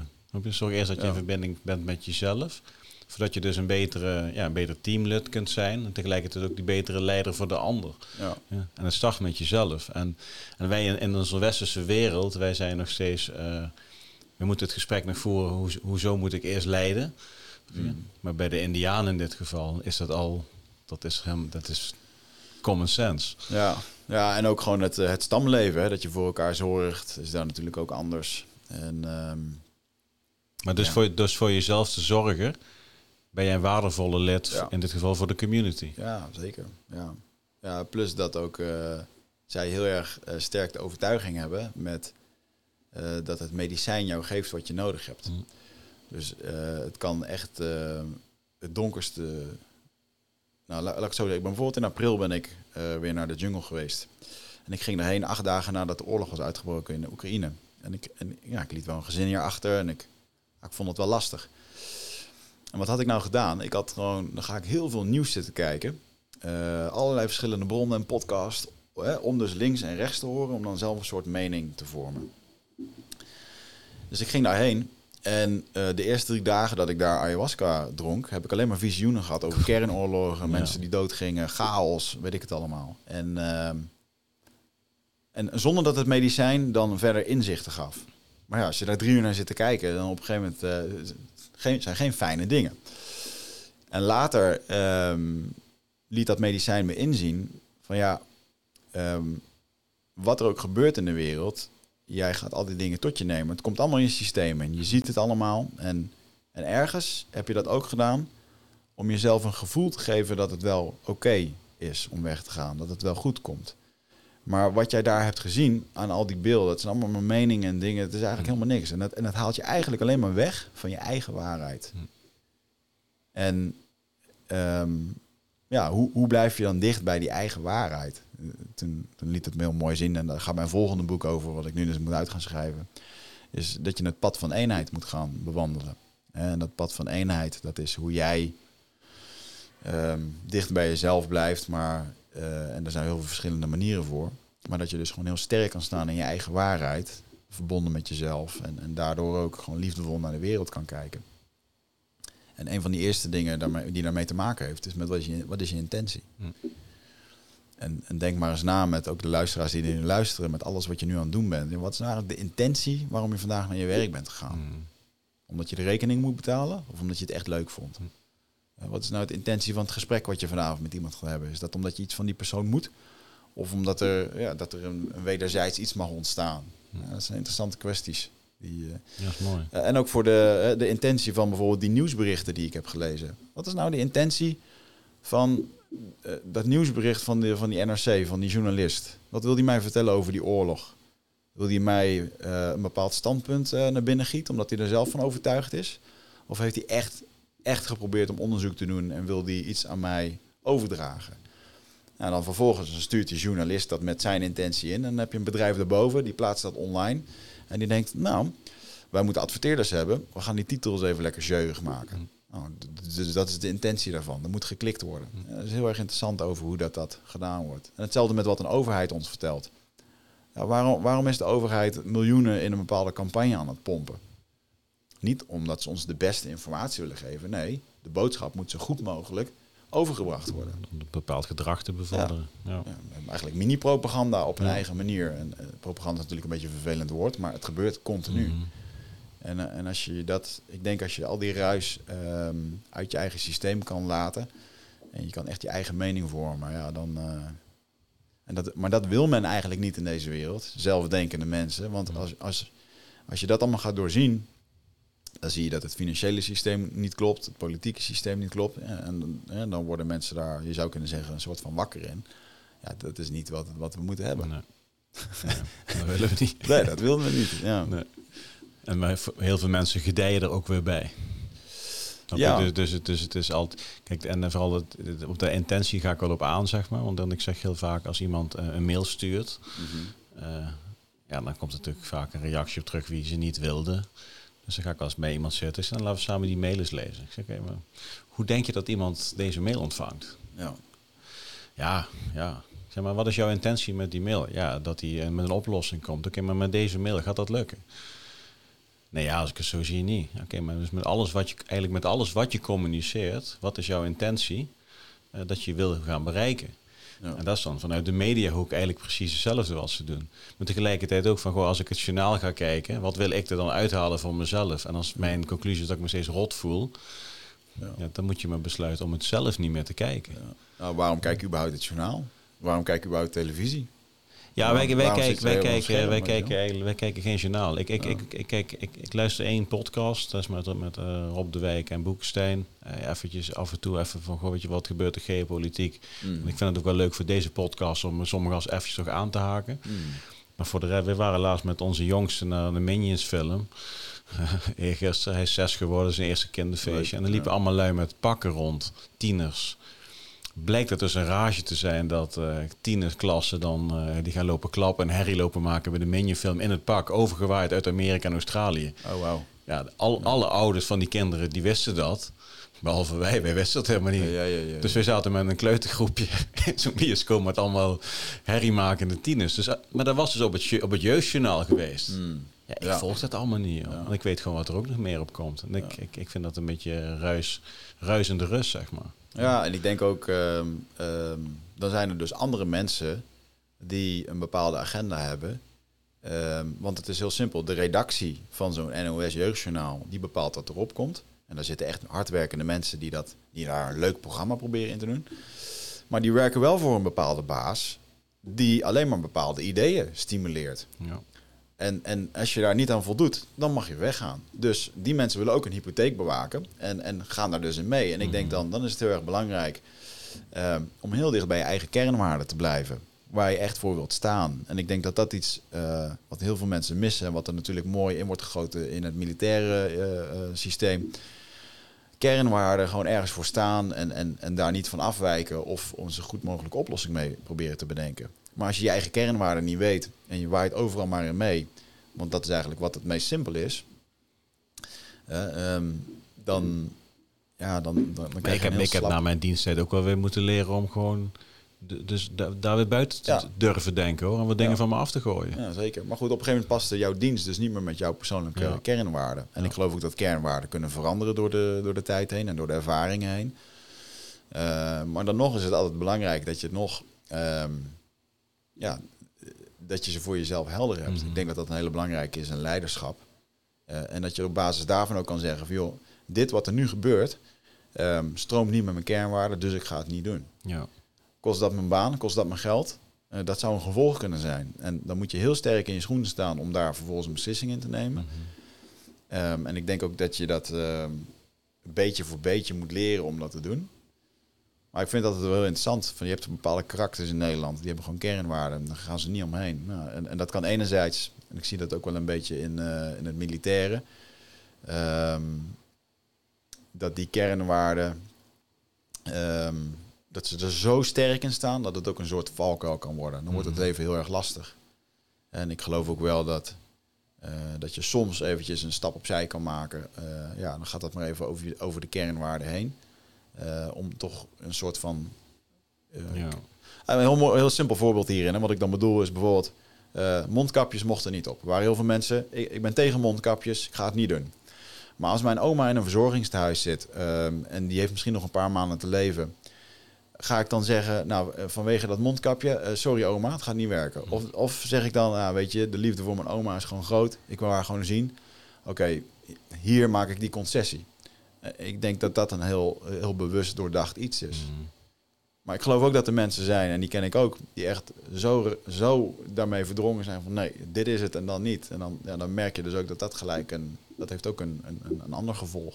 Ja, en, en dan creëer je ook heel snel een kloof. Ja, En, en dus kom je uiteindelijk ook weer verder van een eenheid en die verbinding te staan. ja precies. Want de intentie zal uiteindelijk zijn, dat je, we willen met elkaar verbinden. Ja, En dan moet je ook altijd wel daar een soort van de, de- openstaan voor de realiteit van de ander. ja. En niet alleen maar je eigen realiteit als waarheid stempelen en Kijk, dit is je- het. Je oma die kan er niks aan doen dat ze daar zit. Eh, Die zusters die daar werken, die moeten ook een bepaald protocol doen. Anders verliezen ze hun baan. En als je er zo wat meer naar kan kijken, dan, eh, dan wordt het toch wat, wat, wat opener. En eh, kijk, elke situatie is natuurlijk ja, is verschillend. Maar dit, ik vind het wel een... Corona heeft bijvoorbeeld bij mij een... ehm, eh, een van mijn kernwaarden is eenheid. Ehm, en op een gegeven moment kon ik niet meer spreken op een podium. Nou, wat wil ik graag doen? Eh, dat wil ik graag doen. Ik kon niet spreken. En, eh, alleen met testen en allerlei andere rare dingen. Toen heb ik gewoon heel duidelijk voor mezelf de keuze gemaakt. Van, ja, dit is, ik, ik wil dit niet, want dan draag ik niet bij aan die eenheid. Mhm. Maar dat betekent wel dat 80% van mijn inkomen in één keer wegviel. En eh, gelukkig had ik de middelen om dat op te vangen. Ehm, maar ik had er ook voor kunnen kiezen om toch wel die shows dan maar te doen. Mhm. Maar ja, dat, dat gewoon, ik ben, kan er nu met trots op terugkijken dat ik het zo heb gedaan. En het Ja. heeft heel veel opgeleverd. Heeft me eigenlijk nog meer gegeven dan... eh, Ja. Ja. Nou, er zit nog een trots iemand tegenover je dan. Dus dat is, eh, ja, ja, dat is mooi. Maar, dat is je- maar er worden wel steeds eh, clubjes. Mhm. We zijn altijd met clubjes. Kijk, Ja. weet je, in de veteranenwereld hebben we nu zeg maar het, het, het, vlaggen, de vlaggendiscussie. Ik weet niet of je iets van mee hebt ja, ja, gekregen. ja, zeker. Ja. Kijk, natuurlijk, ja, de, sinds een paar jaar hangt de vlag af en toe op zijn kop. Ja. Eh, nou, nu zijn de boeren die dat gewoon massaal omarmd hebben natuurlijk. En mensen die dat ook eh, aanhangen. Mm. Nou, daar wordt dan weer een stempel op gedrukt van, eh, ja, dat is overgewaaid van de wappies, noem ik het maar eventjes. Mm. En dan is er weer een veteranenbeweging die dus daar iets van vindt omdat we voor de vlag gestreden hebben. Ja. Nou, wat je wel mooi net zei, ik, ik heb niet voor de vlag gevochten. Ik heb gevochten ten eerste persoonlijke keuze om het leger in te gaan. Niet omdat ik Alexander wilde dienen. Mm. Ik, door mijn jeugd en, en, en Arnhem ben ik uiteindelijk erin gerold. Daar heb ik mijn kameraden ontmoet. Toen werden we een eenheid. Dan gingen we op missie. Maar ik was vooral blij dat ik weer thuis was, weet je wel. Eh, alleen nu heb je dus ook binnen de veteranenwereld weer... Ja, de een vindt dat het niet kan. Ja. En de andere groep vindt dat het wel kan. En nu gaat de media gebruik maken eh, richting de burgers wie hem dus op de kop hangen. Dat de Nederlandse veteranen, Mhm. dus dat is meteen iedereen, dat is weer zo'n mooie groep. Dit niet fijn vindt. Dus er is weer iets gecreëerd Ja. wat denk ik helemaal niet, niet zou moeten. Ja, heel veel mensen zien dat als een, eh, als een disrespect naar eh, alle mensen in uniform en, en dingen. Maar ja, dan denk ik, ja, er stond laatst ook een politieagent op een boer te schieten op een jongen van 16, eh, wat echt nergens op sloeg. Nee, maar ik vind, ik vind juist dat, dat kijk, als, als een veteraan dat vindt, is prima. En als een veteraan dat niet vindt, is ook prima. ja. Eh, maar het wordt weer overgepakt. Weet je wel, de veteranen of de tegen alle militaire disrespect Ja. van. Ja, ik, ik ken er sowieso een aantal, inclusief mezelf, die daar niet heel erg van wakker van ligt. Dus je wordt meteen weer. Nee, ik, denk dat, ik denk dat het ook de kunst is om die dingen gewoon totaal los van elkaar te zien. Want dit, wat die boeren nu doen, heeft echt niks te maken met wat jullie in Afghanistan of Bosnië hebben gedaan. En dat is ook helemaal niet de discussie. Eh, behalve als je daar een discussie van wilt maken. Ehm, maar daar, daar gaat het in de kern niet over. intentie. Maar ik snap wel dat er. hè, dat, dat, natuurlijk de, de vlag een heel symbolisch ding kan zijn voor wat jij hebt ervaren. Ehm, maar leef je nou ook eventjes in in die boer. Ja, die zit nu in een situatie waar die zijn levenswerk kwijt kan raken. En dit is een manier van hun om te uiten. Ja, weet je. eh, als als, als zo'n vlag je dwar, daarin dwars zit. Ja, dan, dan, dan, dan schijnbaar triggert jou dat op een bepaald iets wat, Ja. wat, wat gewoon nog pijn doet bij je. En dan moet je aan werken dan. Ja. Ja. Kijk, en ik, dat zou hetzelfde zijn als dat ik nu die politieagent die heeft geschoten op zo'n boer. ehm, eh, dat, dat die man dan eh, representatief moet zijn voor eh, het hele politiekorps in Nederland. Eh, de politie doet dit of dat. Nou ja, het is gewoon één. één En, dat is waarschijnlijk ook gewoon een goede kerel. Het is een hartstikke goede kerel, ja. Ja. En, ik, en ik ben Ja. heel erg bewust dat Ja. ehm, de, eh, überhaupt het feit... Maar da- da- daar gaat het je. Kijk, want ik heb, ik heb de Nederlandse vlag als tatoeage. Ik heb hem daar links van jou hangt die. De originele vlag van Oeruzgan ligt hier. Dus iedereen die kijkt, ik hang allemaal vlaggen hier. ja. Eh, En ik begrijp dat de boeren dit doen. Ja. En ik voel me niet gekwetst. Ja. Maar ik ben trots op de Nederlandse vlag en trots op Nederland. Maar bepaalde dingen op dit moment in dit land, nou, dat, dat haak ik niet zo op aan. Ja. En op sommige mensen uit nood dit als hun symbool dan zien. Nou, ik, ik vind dat prima. Ja. Want en ik heb mijn eigen waarden die ik aan de vlag hang. Ja. Hoeft niemand mij op te leggen. Kijk, en als wij eh, met Nederland ergens gaan voetballen eh, en ze trappen de boel kapot in een of andere stad omdat ze aan het rellen zijn, lopen ze met de Nederlandse vlag, dan hoor je er niemand over. Schrijven we de woonplaats erop. Eh, Maar come on man, dat, wat is dat voor bullshit? Wat is dat voor representatie van je land, weet je wel? En Dus ik, ja, ik vind dat een, dat, nou, dat is een mooi voorbeeld van ehm, hoe we kunnen nu, dit kan ons heel erg aangrijpen en over het volgende ding, daar denken we niet over na, maar het is eigenlijk heel hypocriet, want dan zou je daar ook over na moeten denken. Ja, Dus ja, lastig. ja. Hey, docu, je, je bent steeds meer documentaires aan het maken. Ja, Kun je daar eens wat meer over vertellen? Ja, wils, nou, wilskracht beviel heel erg goed om dat eh, een jaar lang gedocumenteerd te worden voor het KCT, om daar die, die, die dagen mee te doen. En ehm, afgelopen jaar heb ik heel veel nagedacht over nou, wat voor content vind je nou eigenlijk leuk om te maken. Eh, het is mijn doel om internationaal eh, wat meer door te breken. Dat zou betekenen dat ik dan eh, tien keer per jaar in het buitenland kan spreken, dat ik internationaal mijn boeken verkoop. Ehm, nou, dat lijkt me heel tof. En dat ik graag internationaal meer zou kunnen spreken online. En, en, Ehm, nou, daarvoor moet men je leren kennen. Nou, hoe ga je dat dan doen? Toen dacht ik, ja, dan ga ik niet weer allemaal gasten interviewen. Niet als hoofdlijn in ieder geval. Maar wat ik wel zo graag zou willen doen is gewoon laten zien waar ik mee bezig ben. En ik denk dat ik nu de dingen die ik doe, eh, en dat was toen ik eindbazen begon, had ik dat gevoel nog niet. Maar de dingen die ik nu doe, eh, ja, dat is, je moet gewoon ergens een keertje starten met documenteren, zodat mensen zien wie je bent, wat je aan het doen bent. En over vijf tot tien jaar, ja, dan heb je echt een hele database en wauw, dan heb je dat allemaal gedaan. En ik weet van mezelf dat ik veel verschillende dingen doe. Eh, Achteraf denk ik nu maar, had ik het maar gedaan met... Maar eigenlijk is eindbazen een beetje mijn eh, documentatieproces geweest. Want als je die podcast luistert, dan zie je mijn eigen transformatie daar ook wel in. Een, leer, een leerproces. Een leerproces, ja. Ja. En, eh, maar ik heb nu eh, het idee van, nou, ik, ik, ik ehm, we gaan een docu-serie maken in het Engels, waarbij ik laat zien waar ik mee bezig ben. En in dit geval is dat nu het kopen van een stuk regenwoud in de Amazone. Eh, maar goed, daar straks, gaat straks ook weer komen. We mogen straks bijvoorbeeld een keertje meedraaien met exclusieve opruimingdienst. Er staat nu een eh, afspraak voor eindbazen gepland. Dat vond ik dan wel leuk om te doen. Ja, ja.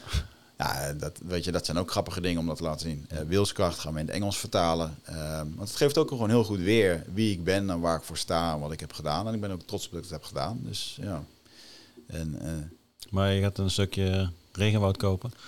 Hoe werkt Ja. dat? ja, hoe werkt dat? Ja, Ja. ehm, ik zal ehm, het linkje van de docu ook eh, in de podcast zetten. Dan, eh. Ja. ehm, het werkt zo dat ehm, de... Bolsonaro, die, die, die, dat- is een goede zakenpartner van je. Dat is een goede zaakpartner, ja. ja. Daar, nou ja, die wilde ik eigenlijk helemaal niet. Nee, ehm, die, eh, de Indianen die hebben... ehm, die leven natuurlijk gewoon in de jungle en die hebben nu overal stukken land toegewezen gekregen. Zo van, nou, wij erkennen jullie bestaan. Ja, jullie hebben hier altijd gewoond. Situatie nu anders, maar jullie mogen hier wonen. Dus die wonen nu al 40, 30 jaar op één, verschillende, op één plek. Ehm, en die mogen daar niet meer uit. En daarnaast zitten allemaal andere gebieden. Eh, maar er zijn ook stukken land daaromheen die zijn geprivatiseerd of gecommercialiseerd. En mijn idee was altijd van nou, als ik wat terug wil doen voor deze mensen die zoveel voor mij hebben gedaan, dan ehm, eh, ga, ik, eh, ga ik land voor ze kopen, ga ik dat teruggeven. Oftewel, dan kunnen ze hun gebied uitbreiden. En toevallig ben ik daar in april geweest. En een paar weken later belde een mevrouw, eh, nee, ik stuurde een mevrouw via Facebook mij een berichtje. En die zei, Wigert, ik heb jou gehoord in mijn restaurant toen je hier in de jungle was. Op een soort zo'n tussenplekje. dat je land wilde kopen. Ehm, en ik heb 70 hectare land te kopen. En dat is geweest van een oude burgemeester van dat dorp. Dus die heeft dat waarschijnlijk gekregen als een soort van beloning van zijn eh ambtsdienst. Ehm, ja, dat is nu te koop. En toen dacht ik, ja, ehm, dat is goed, dan ga ik regelen. Ja. Dus toen heb ik binnen twee weken tijd eh 40.000 euro opgehaald. Eh, ik had eigenlijk maar twi- 25 nodig. En, Ja. ja, en dat, eh, maar goed, dan gaan we weer een ander stuk land kopen. Of we kopen oude sojaboerderijen op en die laten we gewoon verwilderen. Mm. En ik vind het wel mooi om die Indianen eh, wat terug te geven. Dus alles wat ik vandaag de dag heb, heb ik ook wel aan hun te danken. Dus ja, vind ik mooi. Moet, moet je dan niet concurreren met, met eh, houtproductie en dat soort allemaal? Of is dat te Ja. diep? Ja, is nog steeds een gevaar. Ik bedoel, eh, er zijn heel veel gevaren. Er zijn eh, agrarische bedrijven eromheen die, die, er, die er wel van vinden dat een of andere blanke dude daar een stuk land koopt. Mhm. Ehm, ik zat toevallig gisteren met een, uh, eergisteren met een advocaat te kletsen. En een van zijn vorige cliënten die is gevonden met... Ja, is gewoon zes keer neergeschoten. Mm. Ehm, omdat ze er niet blij mee waren dat er land was gekocht. En ook al heb je een stuk land gekocht, ja, je kan er geen hek omheen zetten. Uh, drugs, houtkap, illegaal stropen, Mhm. allemaal dat soort dingen gebeurt daar gewoon. Ja. Het, is, het is zo gigantisch groot. Het is ook eigenlijk onvoorkombaar. Maar als we niks doen, dan weet je zeker dat het naar de Mm. kloten gaat. En ja, ik vind het heel erg lastig, want je gaat nu een hoop geld heen. En dat geld gaat eigenlijk ook nog eens een keertje naar iets waar, waar- hoe heeft dat ooit bedacht dat je daarvoor moet betalen? En als er straks een overheid als Bolsonaro dus zegt van hé, maar weer dat stuk land, dat is van ons. Dan heb je ook nog een keertje een, een- bananenrepubliek overheid die dat waarschijnlijk gewoon inpikt. En ben je het alsnog kwijt. Maar alles in mij zegt dat als we naar die nieuwe wereld willen, dan moeten we toch een voorbeeld gaan stellen in leiderschap. ehm, over hoe dat je die nieuwe wereld zou willen zien. Mhm. En, en, en in dit geval, eh, met de systemen die we nu hebben, is geprivatiseerd land kopen. eh, misschien eventjes de beste oplossing Mhm. Om dat gebied van hun uit te breiden. Dus ik heb ja, nu 120 voetbalvelden die we erbij. eh zeg ik dat goed? Eh, ja. An- Ja, 120 voetbalvelden ongeveer. Ja. Is, Nee, ik zit voor 105 voetbalvelden. Ja. is, is dan een, ik weet niet of dat woord überhaupt bestaat of dat het kan, maar intentioneel leiderschap, is dat iets wat we dan in deze tijd nodig hebben? Intentioneel met de intentie Ja. eh, om, om, om echt goed te doen nou, voor, voor, het, voor het grote geheel, zeg maar. Dus Ja, jezelf, dat jezelf erin weg, eh, wegcijferen. Nou, ik denk dat, eh, dat is wel interessant dat je zegt, ik, ik cijfer mezelf er niet in weg, want ik zorg wel heel goed voor mezelf. Eh, het grappige is dat we, had, je had het net over Michael Pelagic. Mhm. Toen ik een jaartje of acht geleden bij hem kwam, toen had, moest, ik, moest ik in één keer doelen opschrijven van hem. Had ik ook nog nooit gedaan. Niet echt zo bewust. En toen had ik ook dat ik graag regenwoud wilde kopen of dat daar wat mee wilde doen. Eh, natuur beschermen. En toen zei hij, nou mooi idee, maar misschien is het handig dat je eerst die 90.000 euro schuld eh, weg, eh, die had ik toen in mijn bedrijf, met investeringen en dingen. Eh, het was toen 60.000, uiteindelijk is dat, is dat volgens mij 90.000 geworden, ja. Ehm, misschien is het handig dat je, die, eh, dat je die eerst eens wegwerkt. En daar had hij gelijk in, weet je wel. Gewoon eerst voor jezelf zorgen voordat je de wereld gaat redden. Ja. Ehm, want ik hoor heel veel mensen praten over hun missie en over hun ding. Maar ja, als je niet je eigen rekening kan betalen of je hebt daar stress Nee, over, dan, je- als, werkt je, als je zelf krachtig bent, dan kun je meer betekenen voor een Ja. ander. Ja. En, en eh, nu zijn we acht jaar verder. Ehm, heb ik mijn dingen, vind ik, eh, goed op orde. Eh, ik vind dat het goed gaat. En ehm, ja, ik hoef, ik hoef dit niet te doen. Het is gewoon een soort... mijn boek gaat gelukkig succesvol. Nou, een euro ervan gaat naar die stichting. Ehm, ik had nooit verwacht dat, dat de respons zo groot zou zijn dat iedereen zomaar doneert. Ik bedoel, mensen hebben, tientallen mensen hebben duizend euro gedoneerd en anderen, eh vijf, sommigen zelf 5000. Eh, maar dat komt wel omdat ze je volgen en voelen dat het, dat het intentioneel klopt. Hm. Ik heb er zelfs bij gezegd van jongens, ik weet niet eens of dat, dat dit het regio echt gaat redden, maar we moeten wel doen. En mensen Ja. denken, weet je, we snappen het, we nemen het risico. En dat, ja, dat vind ik waanzinnig. Ja, mooi. Ehm, dus ik geloof wel dat, eh, dat als je eh, op een goede plek zit met jezelf, dat, je, dat het ook interessant wordt om wat verder te kijken. En ik denk dat eh, heel veel mensen daar ook inkomen in deze transformatie. Dat ze op zich wel goed zitten met zichzelf. Ze hebben het huis, ze hebben de relatie. Alleen ergens mist er iets. En dat je dan toch een beetje bij jezelf gaat ontrafelen van ah, wat mist er dan? En vaak heeft dat toch te maken met een stukje, Ja, precies, dat bedoel ik. Ja. ah, wat doe ik nou eigenlijk met de wereld, weet je wel? Of wat is Mhm. mijn impact? Mooi man. Mooi avontuur. Ja, zeker. En ja, we zijn Dat is, het eerste, klaar. dat is het eerste onderwerp, avontuur. Ja, Dan gaan we naar de volgende. Nee. ja, ja, ik heb alle tijd. eh, ehm, ja, ik, ik denk dat dat gewoon een van de volgende dingen is die ik zou willen doen om dat langzaam uit te breiden. Ehm, en ik zie ook wel weer dat gewoon regenwoud kopen en dat teruggeven, eh, dat dat niet de oplossing is. Want dan heeft het ook voor de inheemse bevolking heeft het Mhm. geen. eh, ja, die hebben dan gewoon een stuk land. Maar eh, ik denk nu dat we naar een functie of naar een situatie gaan waar ik misschien zelfs bepaalde Indianen eh, een salaris ga geven per maand. 150 euro of zo. Om dat stuk bos te bewaken. Ja. Dan krijgt het ook een soort mening. En, en van jongens, we doen het voor jullie. En dan voelen ze zich ook verantwoordelijk. En dan een soort ranger-achtig iets. En eigenlijk is het gek voor dat dat moet gebeuren. Maar Hoe, hoe is dat daar dan vanuit, eh, vanuit de, de overheid geregeld? Is dat gewoon niks? Ja, ja, er is wel een organisatie, de FUNAI. Dat is eigenlijk de brug tussen de inheemse bevolkingen Mhm. en, en de westerse wereld. Maar die is echt door Bolsonaro-kabinet is die... eh, kantoren zijn gesloten. Dan moet je letterlijk zien, er zijn letterlijk wachttorens in de Amazone. Mhm. eh, die ook als aanspreekpunt zijn voor die stammen. Want soms zijn die stammen dus ook, die willen niks met de buitenwereld te maken. Maar als iemand bijvoorbeeld echt heel ernstig ziek is, durven ze daar toch nog wel heen te Mhm. komen. Eh, eh, en, en dat is niet zonder risico, want de afgelopen 20 jaar zijn er 40 mensen van de Funai zijn vermoord. Eh, vaak na de tweede of derde afspraak, Mhm. ontmoeting met inheemse stam. Want ja, ze denken gewoon dat, je, ze- dat ze jou voor de gek zitten te houden of dat je een drugsdealer bent. Zij kennen de witte man alleen maar als, als Ja. ellende.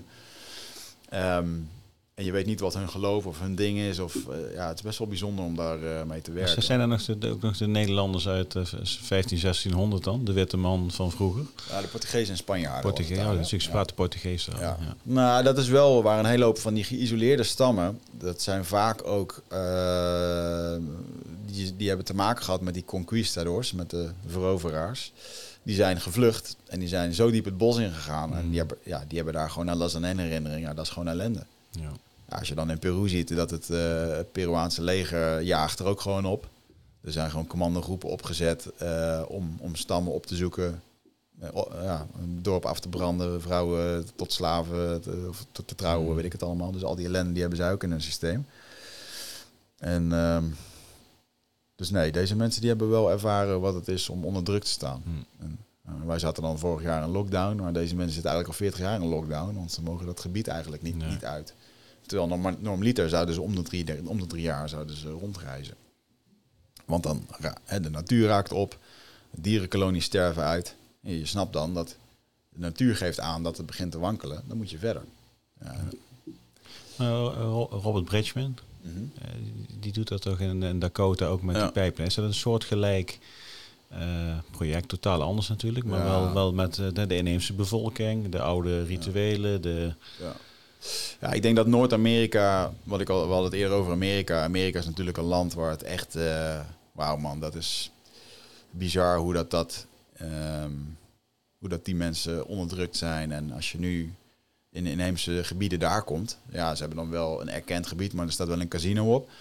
Iedereen zit dan aan, eh, aan, aan de crack of aan de met of weet ik veel wat. Ja. eh, of aan de alcohol. En dat is diep, diep triest. Ik heb dat ook gezien in, in Australië bij de Aboriginals. Eh, mensen werden vroeger gewoon afgeschoten als ze in je tuin liepen. Nou, en, en gelukkig in dat gebied waar ik ga, ja, dat is echt jungle jungle. Daar komen niet zoveel mensen. Dat is nog helemaal puur. Ja. ja. Maar laatst zijn er bijvoorbeeld twee journalisten eh, doodgeschoten. Ehm, en dat is als je er een centimeter, als je een, een meetlat langs legt, is dat een centimeter boven het gebied waar ik zit. Ehm, ja, dat is best wel verontrustend. Eh, Dat men dus schijnbaar zo, als je je inzet voor inheemse bevolkingen, dat ze je gewoon als gevaar zien en gooi je daar in een greppel en niemand Ja. vindt je. Hoe kijken ze thuis nou? Een dochtertje van vier.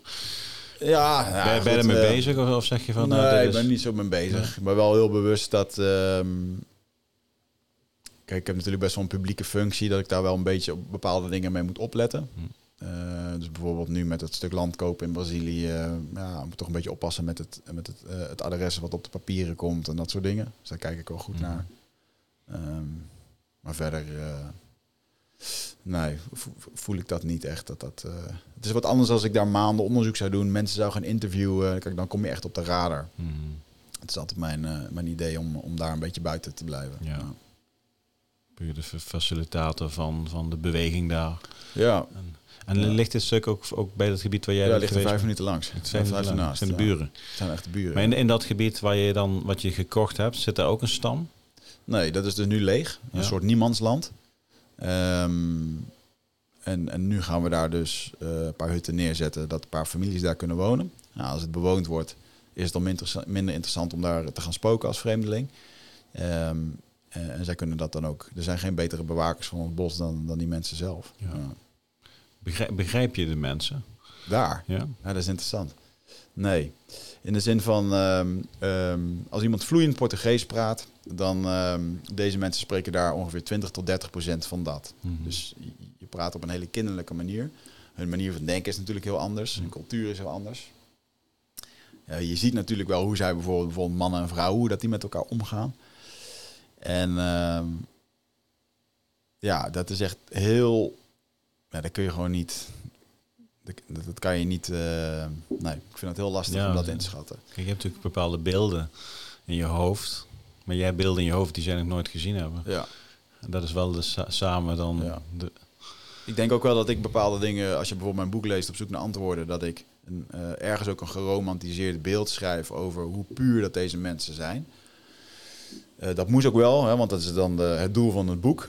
Maar ik zie ook wel dat deze mensen ook wel struggelen met. ehm, eh, ja, als je hier komt en je ziet alles wat voorradig is, en dat, dat zij daar ook door beïnvloed worden. Geld ehm, heeft ook zeker invloed op hun.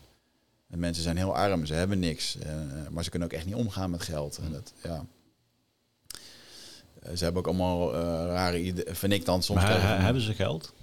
N- Nou ja, Of- of- door bijvoorbeeld zo'n shamaan reist dan rond en doet van dat soort ceremonies. En daar verdient hij dan wat geld mee. En die maakt dan vaak een tour van drie maanden. En dan verdient hij geld voor zijn heel dorp. Maar er zijn ook heel veel mensen die dat niet kunnen. Ja, die zitten gewoon daar in de jungle en die hebben helemaal niks. En dat is prima, want de jungle die levert ze alles. Er komen niks tekort. Maar ze worden wel... eh Wigert komt daar met zijn high-tech telefoon en eh, rugzak en een, en een handige eh, slaapzak. En zij zien dat ook en denken, ja, er zit iets heel natuurlijks in. Van, nou, dat is wel handig, ja, dat is wel comfortabel. Nou, dat zou ik ook wel willen. Ja. En je ziet wel dat dat zijn intrede doet, ook daar. Ehm, en het is natuurlijk aan ons ehm, om daar bewust mee om te gaan. Dat we hebben daar bijvoorbeeld zonnepaneelprojecten neergezet. Ja, nu zie ik daar mensen die zitten daar op een telefoon. En dan denk ik, ja, heb ik hier goed aan gedaan. Ja. Ja, een mooi duurzaam ding neergezet. eh, zijn ze onafhankelijk van de overheid. En, ehm, ja, dat, eh, maar goed, het is wel de wereld die er ook is. En, en ehm, zij, wil, zij wilden dit graag ook, dus het is ook een overeenstemming met hun.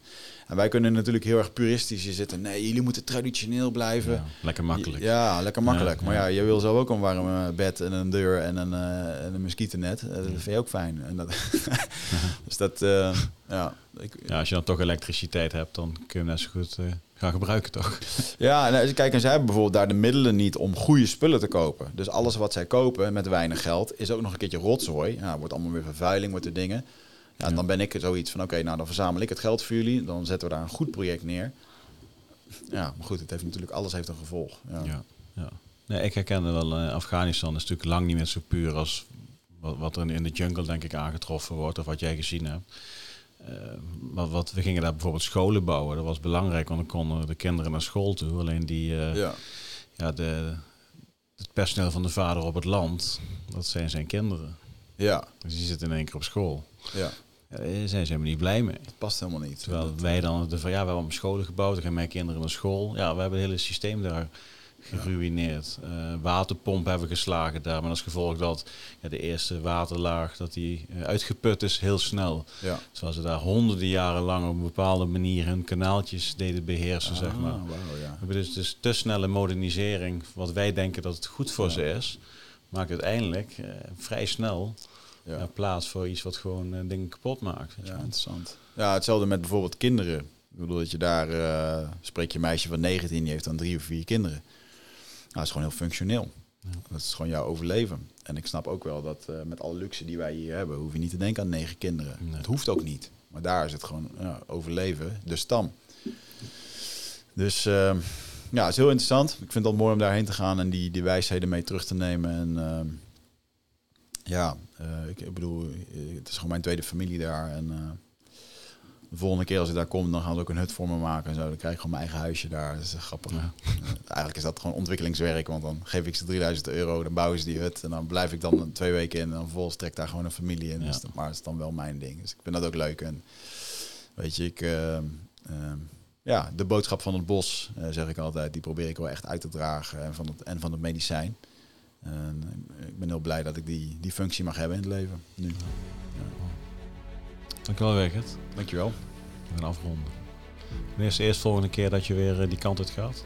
Nou, ik ben net terug, dus eh, ik ga nu een boek. eh, ik heb daar het fundament gelegd voor mijn tweede boek. Eh, dat gaat heten Het Antwoord.